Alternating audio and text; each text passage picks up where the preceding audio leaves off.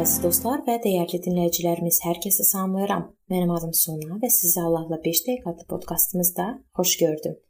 Bu gün biz müqavimət göstərməməyə müqəddəs kitab baxışını araşdırırıq və gəlin biz kəlamdan müqavimət göstərməmə barədə mətnlərə baxaq. Kəlamdan seçilmiş mətnlərin çoxu məsihçilərin əksəriyyətinə tanışdır. Amma bir çox hallarda sual meydana gəlir. Məsihçilər nə dərəcədə bu mətnlərdəki həqiqətin vacibliyini və aktuallığını dərk edir? Birinci, Matta 5-ci fəsil 38-ci ayədən 48-ci ayəyə qədər. Nə deyildiyini eşitmisiniz. Mən isə sizə deyirəm. İsa Məsihin təliminin bu hissəsi hər birimizin anadan gəlmə günahkar təbiəti üzündən yaranan insanlar arasında qarşılıqlı münasibətlərdəki çətinliklərdən danışır. 1-ci Saloniklərə 5:15 19, 21, 24-cü ayələr. Bu sözlər bütün məsihçilərə ünvanlanıb. Onlar bütün müqəddəs qardaşlarının oxuması üçün yazılıb. İsa Məsih imanlılar cəmiyyətində heç kəsin şərdən istifadə etməyə və ya kiməsə qarşı şər niyyətli olmasına ixtiyarı yoxdur.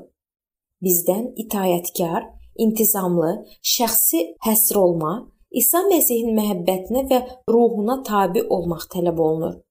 15-ci ayədə nəyə vurğu edildiyinə diqqət edin. Diqqətli olun ki, heç kim pisliyə pisliklə cavab verməsin. Romalılara 12:14 və 17:21-ə baxaq. Bu sözlərdə İsa Məsihin dağüstü vəzdə israr etdiyi təliminə əsaslanıb. Müqəddəslər məhz belə yaşayırlar.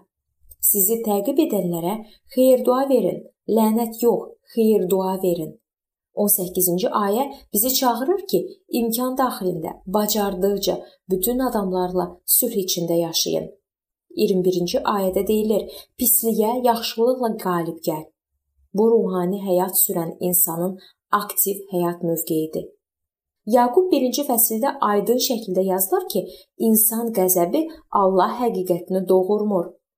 2-ci Timoteyə 2-də İsa Məsihin xidmətçisi mübahisə etməməlidir lakin həqiqəti düzgün çatdırıb təqdim etməlidir. 1-ci Timoteyə 6 İsa Məsihin sağlam təliminə riayət etmirsə, qürurludur.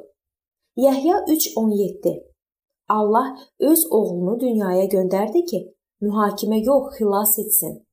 Məsihçilərin məqsədi insanları xilas etməkdir, mühakimə etmək yox. Buna görə də yerdəki hökumətlərin işlərində iştirak etmək və ya istənilən mübahisə və müharibələrdə iştirak məsihçilərin bu dünyadakı missiyalarına uyğun gəlmir. Məsihçi məhəbbəti İsa Məsihin bizə göstərdiyi sevgi və qayğı digər insanlara göstərmək istiqamətində dərin daxili istəkdir. Biz hələ Allahın düşmənləri olanda o öz qanı ilə ruhani quldarlıqdan xilas etdi. İsa Məsihin ardıcılları ətrafdakılara, öz qardaş və bacılarına, yəni hətta düşmənlərinə eyni sevgini göstərməlidirlər. 2-ci Korinflərə 14 Bizə ruhani müharibə aparmaq üçün verilən silah cismani deyil, lakin Allah tərəfindən gücləndiriləndir. Efeslərə 6:10 Biz insani cismin səylərlə deyil, Rəblə və onun gücünün qüdrəti ilə güclənməliyik. Kəlamın bu və digər mətnlərində deyilir ki, İsa Məsihsiz və ona tam itayətsiz heç kəs müqavimət göstərməməni tətbiq edə bilməz və istəməz. Cismani müqavimətin mahiyyəti nədir? Bu mövzunu biz növbəti görüşümüzdə araşdıracağıq.